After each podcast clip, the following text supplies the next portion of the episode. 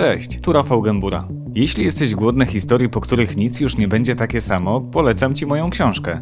Zajrzyj na oczy.altenberg.pl i zamów swój egzemplarz. Tymczasem zapraszam na wywiad.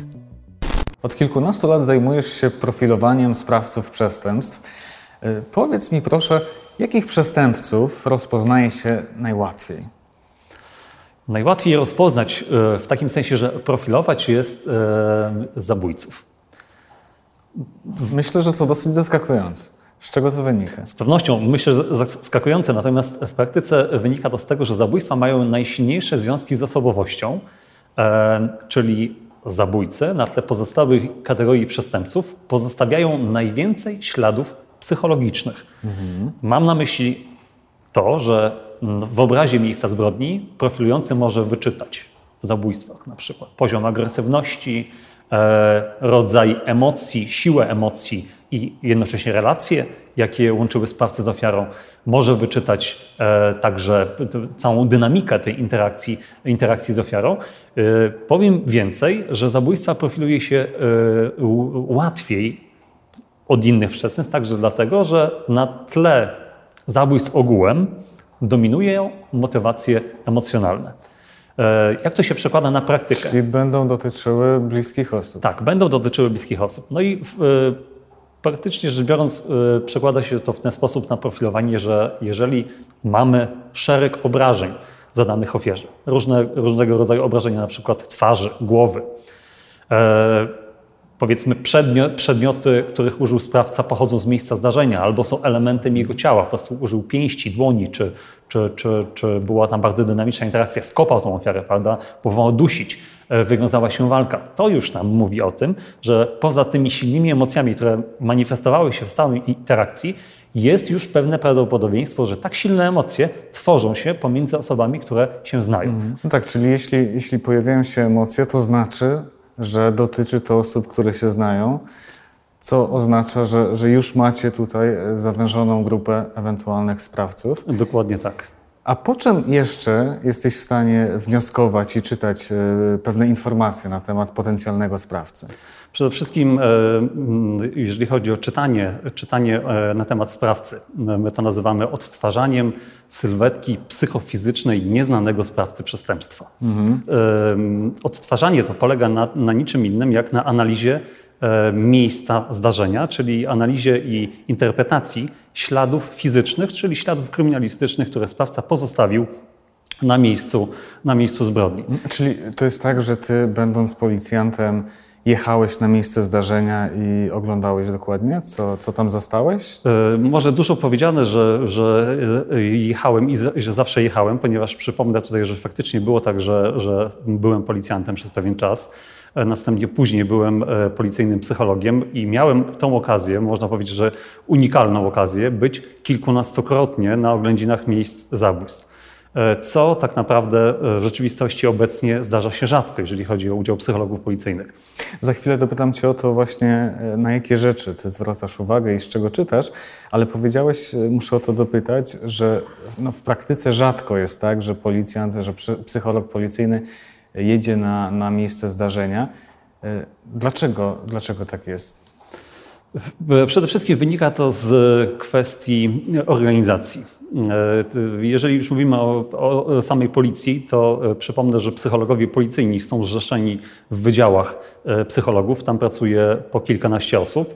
Natomiast osoby, które zajmują się analizą śledczą, które są e, do tego przeszkolone i no, po prostu czują, e, czują ducha, te, te, czują ten klimat, to jest średnio dwie, maksymalnie trzy osoby. Zazwyczaj są to dwie osoby, e, które e, zasiadają czy, czy mają właśnie swoje miejsca w wydziałach psychologów, w komendach wojewódzkich policji, których jest 16 i w komendzie głównej policji.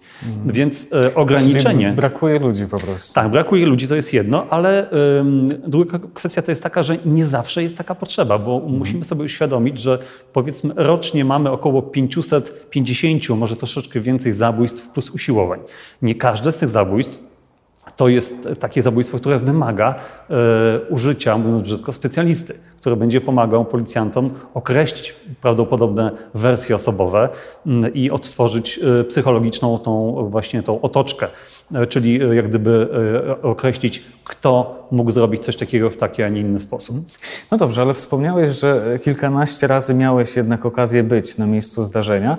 Na co patrzyłeś? Czego tam szukałeś? E, Psycholog e, śledczy, bo ja w takiej roli występowałem, koncentruje się, e, znaczy on żyje troszeczkę w innym świecie. E, I to, i, i to powiem wręcz dosłownie. Ja e, oczywiście patrzyłem na to, e, na układ przedmiotów na miejscu zdarzenia, na układ śladów, ale interesowało mnie na przykład to, jak, e, jakie jest ułożenie zwłok. W jakiej, w jakiej pozycji te zwłoki zostały przez sprawcę pozostawione. Jakiego rodzaju prawdopodobne obrażenia na zwłokach już znajdziemy. I tutaj był bezcenną kopalnią wiedzy lekarz medycyny sądowej, e, mój zresztą e, jeden z moich kolegów, jak, jak odnosimy się w tym momencie do mojej dawniejszej pracy policyjnej, który e, na bieżąco komentował, informował o tym, jakiego rodzaju obrażenia tutaj mogły, mogły się zadziać. E, Na co jeszcze zwracałem uwagę? Zwracałem uwagę na, oczywiście na płeć, na wiek, e, na wiek ofiary, na ubiór, e, na to, czy nie było sygnałów, e, aby sprawca na przykład ofiarę przebierał, e, aby starał się w jakiś sposób upozowywać e, e, zwłoki, układać się w, jakimś, w jakiś szczególny sposób. Zwracałem też uwagę na to, czy nie ma tam aby śladów e, tak zwanej pozoracji, e, czyli czegoś, co my w języku psychologii śledczej określamy jako próby świadomego, celowego działania po to, żeby zniekształcić miejsce zdarzenia, po to, aby po prostu policjant czy prokurator jako nadzorca śledztwa e, wszedł w błędne, na błędne tory rozumowania. A co mogłoby właśnie wskazywać na to, że, że miało miejsce takie pozorowanie? E, Na, pozorowanie mogłoby wskazywać chociażby, e, chociażby, chociażby to, że obrażenia, obrażenia e, znalezione na ciele ofiary są, e, można powiedzieć, niekompatybilne do, e, do- pozostałych elementów miejsca zdarzenia, do wyglądu, do ubioru. Ja tutaj bym poparł to przykładem, ponieważ jeden w jednej ze spraw, w jakiej miałem okazję brać udział, był, była to sytuacja następująca. Wnuczek, wnuczek zamordował babcię. Wnuczek zamordował babcię, ale poza tym, że ją zamordował, działając w ten sposób, że ją udusił, była to bardzo emocjonalna sytuacja, upozorował e, pomimo te, poza tym duszeniem jeszcze atak o podłożu seksualnym, czyli ściągnął babci e, bieliznę, e, po- podwinął, można powiedzieć, zakasą spódnicę, wyeksponował te zwłoki tak, aby było to jednoznacznie sugestywne i mając prawdopodobnie nadzieję, że policjanci, którzy przyjadą na miejsce zdarzenia, będą się kierować głównie tym obrazem, prawda? Zakasana spódnica czy podwinięta e, jakieś inne elementy, które, które wskazują na, e, na podłoże seksualne zbrodni, podczas gdy analiza obrażeń wykazała, że tutaj jest generalnie dominacja, dominacja siły o charakterze emocjonalnym. I to nas prowadziło, mnie między innymi to, prowadziło, czym się podzieliłem z policjantami. Okazało się, że stopniowo spłynęły informacje z, z sekcji zwłok, bo podkreślam, że protokół sekcji zwłok e, nie wykonuje się, protokołu nie wykonuje się tak jak na filmach w ciągu e, pół godziny czy w ciągu, czy w ciągu e, kilku godzin. Trzeba poczekać Tylko trzeba dłużej. poczekać od e, kilkunastu dni, i to jest rekordowe tempo, do nawet e, kilku tygodni czy miesięcy. W związku z tym, e, kiedy już okazało się, że te dane spłynęły, można było porównać szereg informacji z miejsca zdarzenia, analizę obrażeń ofiary z treścią protokołu sekcji zwłok i wynikami badań, między innymi toksykologicznych, biorąc jeszcze pod uwagę całokształt tych danych wiktymologicznych, czyli tak zwany profil ofiary, bo to jest kolejny element e, profilowania, kol- kolejna część. No i w mojej ocenie było tak, że mamy do czynienia z wysokim prawdopodobieństwem pozoracji. Pozoracji, można być tak zwanej mistyfikacji śledczej, tak, tak możemy to też nazwać. Nie?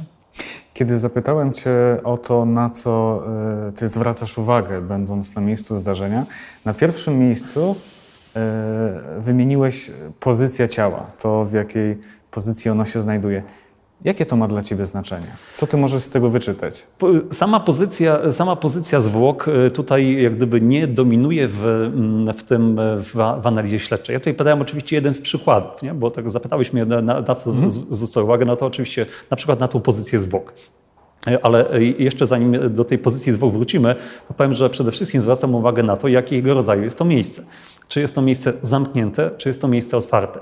Miejsce zamknięte typu mieszkanie, nie wiem, budynek gospodarczy, miejsce pracy, a miejsce otwarte na przykład może to być miejsce typu łąka, zalesione, generalnie miejsce otwarte, te obydwa typy miejsc, e, choć wydaje nam się to mało prawdopodobne, e, również w pewnym, e, w pewnym sensie różnicują typ sprawcy. A w jaki sposób? Może, Najprościej nie, mówiąc. Może nie, nie, chodzi wyłącznie o to, że, że tutaj mamy do czynienia z, z, odmiennymi typami psychologicznymi, ale na przykład znalezienie zwłok na otwartej przestrzeni wskazuje nam na pewnego rodzaju interakcje.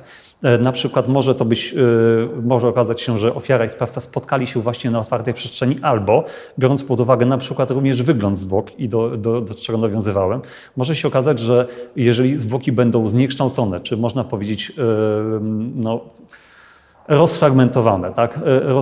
rozkawałkowane, oznaczało to będzie, że sprawca najprawdopodobniej te zwłoki przetransportował. Z, czyli mamy do czynienia z miejscem, które się w jakiś sposób rozciąga. Nie jest to miejsce tak zwane punktowe, tylko jest to kilka miejsc zdarzeń. To nam w tym momencie mówi o tym, że taki sprawca, który zwłoki rozczłonkowuje, rozkawałkowuje, prawdopodobnie, czy najprawdopodobniej chce uniknąć y, powiązania swojej osoby z miejscem, w którym doszło do zdarzenia. I właśnie dlatego I właśnie, to, i właśnie, i właśnie dlatego te zwłoki, te zwłoki y, stara się, mówiąc brutalnie, usunąć z miejsca, w którym jak uważa, ich dalsze pozostawanie sprowadziłoby na niego po prostu niebezpieczeństwo. Mhm. Ale niekiedy dochodzi też do takich sytuacji, że y, policja znajduje ciało no, w pomieszczeniu, niech to mhm. będzie mieszkanie, E, I, I, okazuje się, że, że zabójca traktuje to ciało w jakiś taki osobliwy sposób. Na przykład jest przypalane, albo tak jak wspomniałeś, mm. rozczłonkowane. E, o czym to może świadczyć? Jakie można e... wnioski wysunąć z, z takiego zachowania? Zabójca i ofiara zawsze wchodzą ze sobą w pewną specyficzną interakcję. E, jeżeli już używamy, e, posłużę się przykładem e, okaleczania, tak specyficznego okaleczania, zawsze przy udziale lekarza medycyny sądowej, na bazie ekspertyz medyczno-sądowych staramy się określić, jakiego rodzaju to były obrażenia, z czego one wynikały. Czy była to siła tak zwana świadoma, celowa, czy była to siła skierowana na ofiarę o charakterze bardziej eksperymentalnym albo wręcz nawet przypadkowym. Innymi słowy, czy doszło do szarpaniny, w mhm. wyniku której ofiara doznała poważne obrażenia, na przykład głowy, twarzy, e, czy też było tak, że e, nie było tam szarpaniny, tylko jest przewaga fizyczna sprawcy nad ofiarą, a o tym możemy wnioskować na przykład wtedy, kiedy, kiedy e, jeden z przykładów, kiedy ofiara jest na przykład ciężko pobita, właściwie ma obrażenia na całym ciele, e, złamania kości, w tym na przykład złamania żeber, tak jak jedna ze spraw, która mi się w tym momencie przypomina, e, ciężkie pobicie e, kobiety, która była, która po prostu stróżowała, można powiedzieć, dozorowała pewnego, pewnego budynku. Kiedy to sprawcy weszli weszli do pomieszczenia i e, to właściwie to torturowanie, to skakanie po nim, bo oni skakali po nim, ona była też ugniatana kolanami, to się tak nazywa mm. w języku, w żargonie policyjnym, kolankowanie i e, przedłużanie pobytu na miejscu zdarzenia jednoznacznie wskazywało na to, że była to siła o charakterze e, instrumentalnym. Oni po prostu traktowali e, te, to bicie, to torturowanie jako środek do osiągnięcia informacji, gdzie są schowane pieniądze, gdzie jest schowany sprzęt elektroniczny i o to właśnie im chodziło. Mhm. Czyli z każdego najmniejszego elementu, który, który możemy e, zauważyć, elementu mam na myśli obrażenia na ciele ofiary, możemy wyciągać pewne wnioski. Oczywiście to nie jest tak, że jedna rana to e, jedno obrażenie, to już są wnioski e, generalne z stuprocentowej trafności. Nie, absolutnie.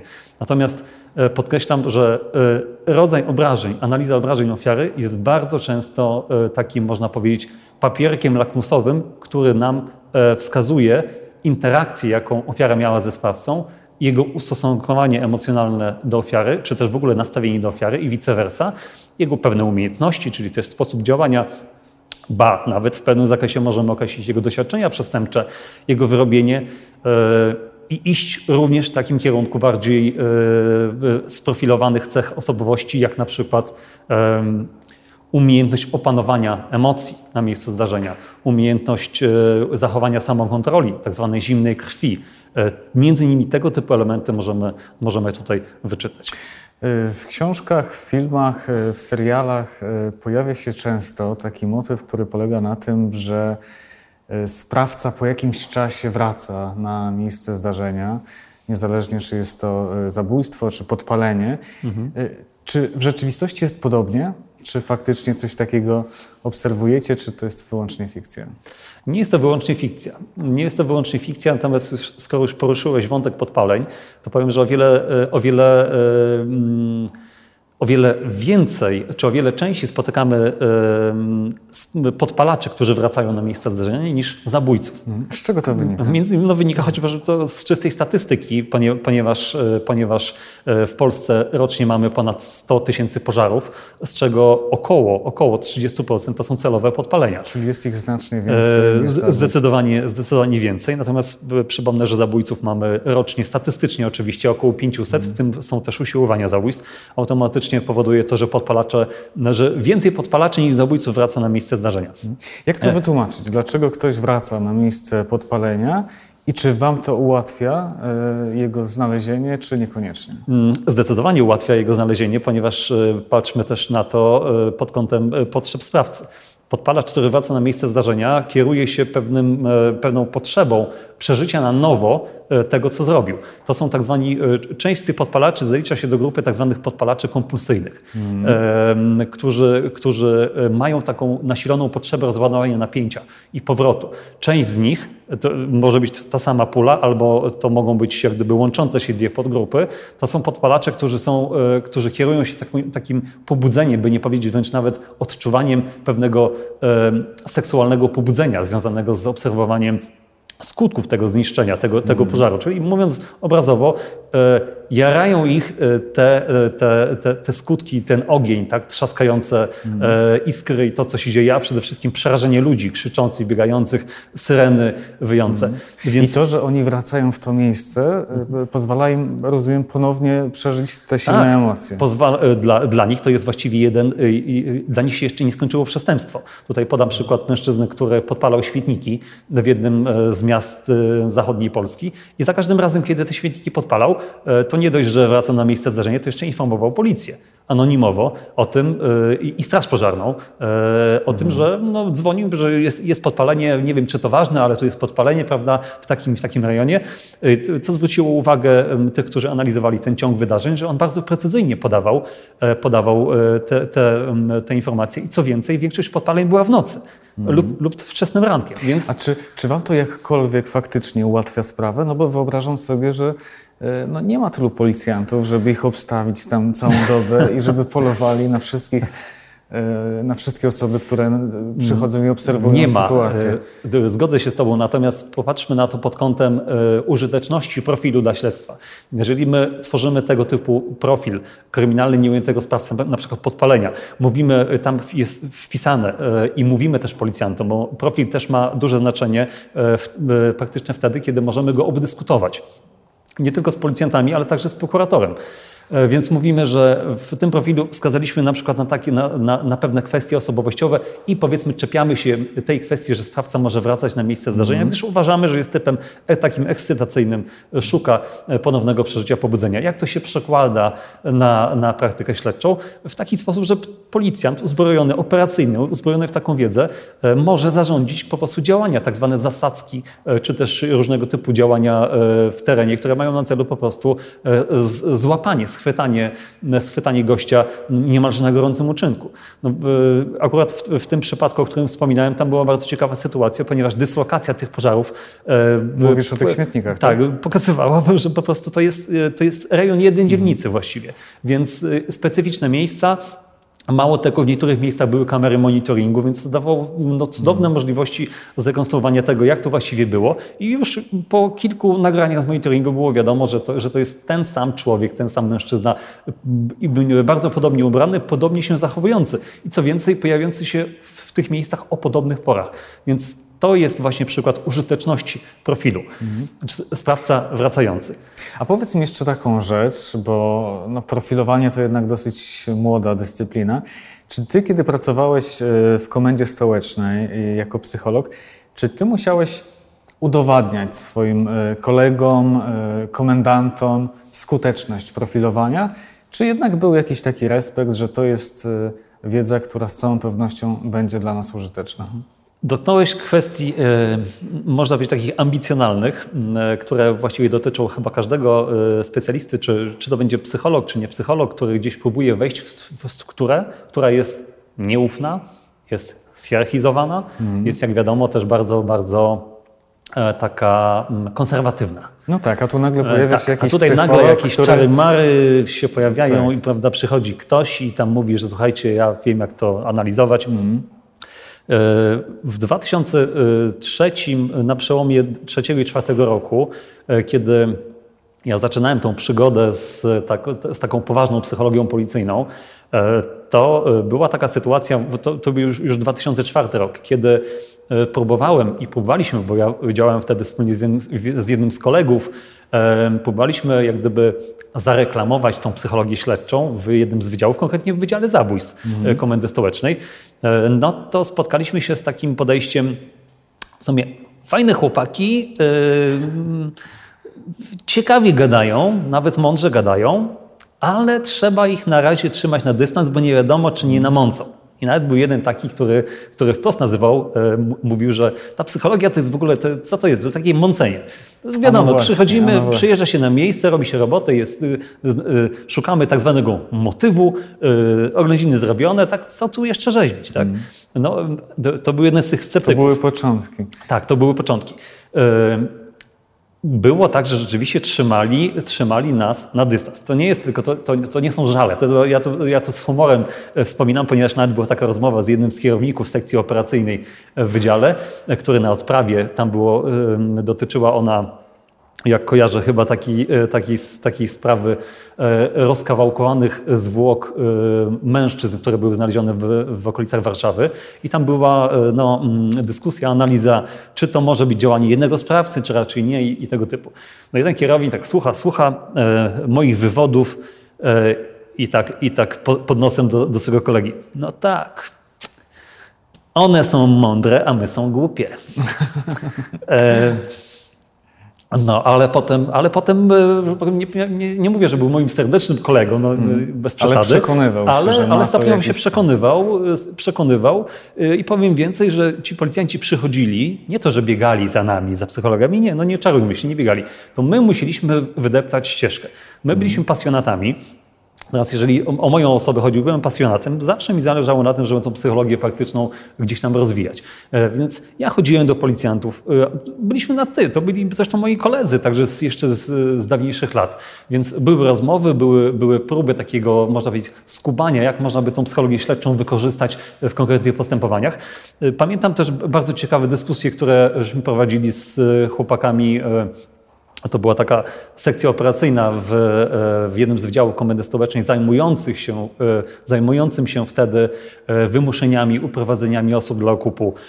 I bardzo fajną zasadę, jaką oni wprowadzali, to były, to były zresztą obowiązkowe odprawy, takie operacyjne odprawy przed, każdą, przed każdymi działaniami, na przykład, które były kierunkowane na tropienie na przykład sprawców uprowadzenia człowieka dla okupu, czy też plagą swego czasu były też tak zwane wymuszenia, tak zwane spożywcze, czyli sprawca wysyłał, e, wysyłał list albo dzwonił, albo, albo wysyłał maila z żądaniem okupu e, do korporacji, do nie wiem, jakiegoś marketu, e, do firmy, organizacji i tam wskazywał, dawał ultimatum, na przykład do godziny 15 do poniedziałku ma być kilka tysięcy czy kilkaset tysięcy euro, jak nie, no to spalę, albo nie wiem, zatruję mleko, albo nie wiem, albo wrzucę pineski gdzieś tam tak, do, do jedzenia i tym podobne. W każdym razie e, te odprawy miały to do siebie, że tam było bardzo burzliwie, było bardzo emocjonalnie. No i ja na te odprawy, ja czy też jeden z moich kolegów, który też wtedy zajmował się profilowaniem, byliśmy zapraszani, albo nawet w tandemie e, i tam były bardzo burzliwe dyskusje, wręcz nie, nie powiem, że dochodziło do rękoczynów, bo, mm. bo mhm. przesadzę, ale jednego kolegę pamiętam, który był bardzo taki temperamenty, to, już, to po prostu szło już wręcz nawet na, e, nie powiem, że na fizyczne zwarcie, mm. ale już, już było blisko. Ale rozumiem, że kwestionował waszą użyteczność. E, nie, właśnie nie, on miał taki styl, nie, nie, tyle kwestionował naszą użyteczność, co potem, bo właśnie do tego zmierzam, e, wydawały no, nam się na początku, że on po prostu jest taki, takim typem, co to wszystkie rozumy zjadł. Mm. Taki stary gliniarz, wyjadacz, operacyjniak, któremu to nikt tam nie powie, jak trzeba robić, bo on zna robotę. Ale E, okazało się, że on e, sam przyszedł potem i powiedział, że, mm, e, że mówi: Sorry, chłopaki, ale to, to nie jest tak, że ja na was napadam, tylko ja bym chciał zrozumieć, mhm. jak to działa. I ja też muszę przy moich kolegach pokazać, że to, co wy mówicie, znajduje jakiekolwiek przełożenie na praktykę. Jasne. Że nie są to fantazje, nie są to bajki, że przychodzi pan pan Darek czy, czy inny pan, prawda, i opowiada, słuchajcie, ja teraz wam nakreślę profil psychologiczny nieunitego sprawcy, a on mi powie, chłopie, a jak to się ma do rzeczywistości? I co my możemy na tym skorzystać jako policjanci? Jak my możemy to, e, to skonsumować nie, w śledztwie? A powiedz mi jeszcze, jak wygląda sama skuteczność profilowania? Czy to jest takie zajęcie, gdzie człowiek częściej odnosi sukcesy, czy jednak e, niestety porażki? Chcielibyśmy odnosić sukcesy mm, e, w, tej dziedzinie, e, tak jak w ogóle w psychologii. Ja w ogóle nie mogę mówić o tym, że tutaj odnosimy spektakularne sukcesy. To, to jest po pierwsze. E, więc nie ma tutaj gwiazdorzenia. E, kiedy jest sukces? Sukces jest wtedy, kiedy e, nakreślimy charakterystykę sprawcy nieujętego, pójdziemy z tym do policjantów albo do prokuratora, przekażemy, obdyskutujemy i dowiemy się po jakimś czasie, że zatrzymany sprawca spełniał kryteria, które wskazaliśmy w profilu. No tak. Jeżeli chodzi o, jeżeli chodzi o częstotliwość, e, czy jak gdyby testowanie tej trafności, e, to nie zawsze jest tak, że, że mamy, że dostępujemy tego zaszczytu, można powiedzieć, e, dowiedzenia się, jak ten profil zadziała. Aha, no, czyli niestety. Nie ma tej możliwości weryfikacji, tak? Nie zawsze jest taka możliwość. Nie zawsze jest taka możliwość, aczkolwiek powiem e, też, e, że e, każdy, kto traktuje poważnie swoją pracę, przynajmniej powiem oficjalnie, dąży do tego, żeby sprawdzić. Ja osobiście mam taką manierę, że potem dzwonię do prokuratorów czy do policjantów i po prostu rozmawiam i wypytuję, czy to, co napisałem, czy to, co przekazałem do akt sprawy, E, czy to w ogóle przełożyło się? Tak. Czy, czy jest jakiś feedback pozytywny w takim sensie, że jest jakiś punkt zaczepienia i udało się coś znaleźć, czy też nie? Mhm. No i powiedz tak uczciwie, jakbyś miał mhm. określić jakąś skuteczność, czy, czy to jest co trzeci przypadek się udaje, czy, czy prawie każdy? E, co, mogę, mogę powiedzieć na, na podstawie ty, tych e, profili, które, które dało mi się stworzyć, że w tak 70% przypadków kiedy, e, kiedy rzeczywiście miałem taki uczciwy kontakt, e, bezpośredni kontakt mhm. ze zleceniodawcą, e, te sytuacje pokazywały, że, że ten profil miał sens, ponieważ on pomógł w nakreśleniu, i od razu powiem, nie pomógł w większości przypadków złapać bezpośrednio sprawcę na zasadzie, że policjant wziął profil, doznał olśnienia i, i mhm. pojechał pod adres, tak? Mhm. tylko pomógł ukierunkować wersje śledcze, pomógł zawęzić pulę potencjalnych podejrzanych, na przykład, którzy już gdzieś byli, e, byli pod lupą policji. E, w wielu przypadkach pomógł zrozumieć motywację sprawcy i ułatwić na przykład kontakt z potencjalnym konkretnym podejrzanym, który był zapraszany na przesłuchanie. Więc to są te, to są te wymiary skuteczności. Pytałem Cię na samym początku o te najłatwiejsze dla Ciebie przypadki do rozpoznania. A powiedz mi, czy, czy, masz w pamięci jakąś taką sprawę, która wymagała dużego wysiłku, która dała ci mocno w kość, no i była dla ciebie po prostu największym wyzwaniem? Najtrudniejsze dla mnie sprawy to są sprawy, e, co ciekawe, nie zabójstw, mhm. nie zabójstw, ale samobójstw lub e, zabójstw połączonych z samobójstwem. To są mhm. sprawy najtrudniejsze. E, I szczególnie też wtedy, kiedy, mm, kiedy, kiedy ofiarami są dzieci. Ale również oczywiście te, również zabójstwa, kiedy ofiarami są dzieci, e, zawsze, zawsze mnie ruszają. Dlaczego samobójstwa mnie bardziej ruszają? Mnie osobiście bardziej Właśnie niż zabójstwa. To jest, to jest to... dla mnie ciekawe. No dzieci wydają się oczywiste, mm, Wiesz ale co? czemu samobójstwa? Ja tego nie wiem. Mm, ja tego nie wiem. No, wydaje mi się, że, że po prostu yy, i to też nie są samobójstwa na takiej zasadzie, że też znowu trochę może będzie niezręcznie, jak powiem, że jest typowe samobójstwo, bo było to krzywdzące dla osób, które odbierają sobie życie. Ale, ale e, na przykład samobójstwo, które jest połączone z e, zabiciem, wręcz powiem, wymordowaniem osób najbliższych. Mhm. Takie sprawy, które, które no, widać, że tam było bardzo dużo cierpienia. Czyli ktoś na przykład mhm. zabija swoich bliskich, a na końcu A na końcu zabija siebie. Dokładnie. I tutaj mhm. i nie ty, a no widzisz, no i, te, i teraz już też trochę naprowadzasz mnie na to też, dlaczego to może być takie trudne. Na przykład dlatego, że w tych sprawach samobójstw, e, kiedy, kiedy tworzymy e, tą analizę psychologiczną, ten tak zwany, no, to, to nie jest do końca profil, bo tutaj po części mamy do czynienia z profilowaniem, z analizą, z analizą miejsca zdarzenia i cech ofiary, ale też tam jeszcze chodzi o coś innego, zweryfikowanie, czy e, tam był potencjał samobójczy i o wypunktowanie tego potencjału samobójczego na zasadzie argumentacji, dlaczego uważam, że tam był potencjał samobójczy. Mhm. E, rzetelna opinia, analiza tego typu wymaga, wymaga tego, żeby przeprowadzić dodatkowo wywiady z członkami rodziny. I tutaj nam się otwiera właśnie ten, ta kwestia, dlaczego to jest tak, takie trudne. Tutaj nie jest to możliwe. No. E, I tak, skoro już rozmawiamy o konkretach, to przypominam sobie sprawę z, sprzed kilku lat, którą opiniowałem na zlecenie prokuratury, mm, jednej z prokuratur podwarszawskich, kiedy to, e, kiedy to kobieta, e, wybacz, że nie będę mówił tutaj o szczegółach, które by, by panią mogły jakoś identyfikować bardzo, czy, czy jej rodzinę, bo to było bardzo niefajne, nie w porządku. Natomiast e, chodziło o to, że to była, to była młoda kobieta, e, właściwie no, całe życie przed nią. W niefortunnym związku, e, który tam się cechował bardzo, bardzo, można powiedzieć, przykrymi incydentami, co w konsekwencji ten związek i poczucie osaczenia, takiego znalezienia się w sytuacji bez wyjścia doprowadziło do tego, że postanowiła zabić swojego synka kilkuletniego, zabić synka, ale też, e, ale też e, zabić siebie. Natomiast co, co było dodatkowo tutaj e, takie trudne i, i pogmatwane, to że ona wcześniej, jak udało nam się ustalić, przeszukiwała dostępne sobie zasoby, czyli no generalnie co jest dostępne, internet, pod kątem znalezienia wskazówek, jak upozorować samobójstwo na morderstwo. I teraz y, ktoś zrobi wielkie oczy, ale halo, no, dlaczego ktoś miałby pozorować samobójstwo na morderstwo? Tak?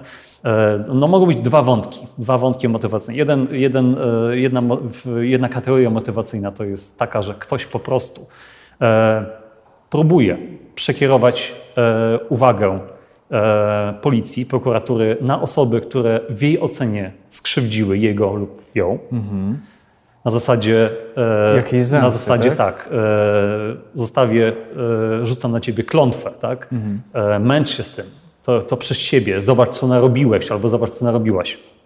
Lub próba, może to być próba ochrony dobrego imienia rodziny na zasadzie takiej, że rodzina będzie cierpieć, jeżeli sąsiedzi będą gadać, że ktoś popełnił samobójstwo, więc łatwiej jest zaakceptować, że ktoś został po prostu zamordowany, niż popełnił Aha. E, samobójstwo. No to zaskakujące. Nam się to może nie mieścić w głowie, ale przypomnę, że to, co nam się w głowie mieści, a co się nie mieści, to jest, że tak powiem, wtórne względem tego, e, że musimy myśleć e, stylem myślenia ofiary czy stylem myślenia sprawcy, troszeczkę postawić się w jej perspektywie. No to podsumowując, e, jak najmniej samobójstw i jak najwyższej skuteczności Ci, ci życzę. Pięknie dziękuję za, za tę rozmowę. Dzięki za spotkanie. Również dziękuję.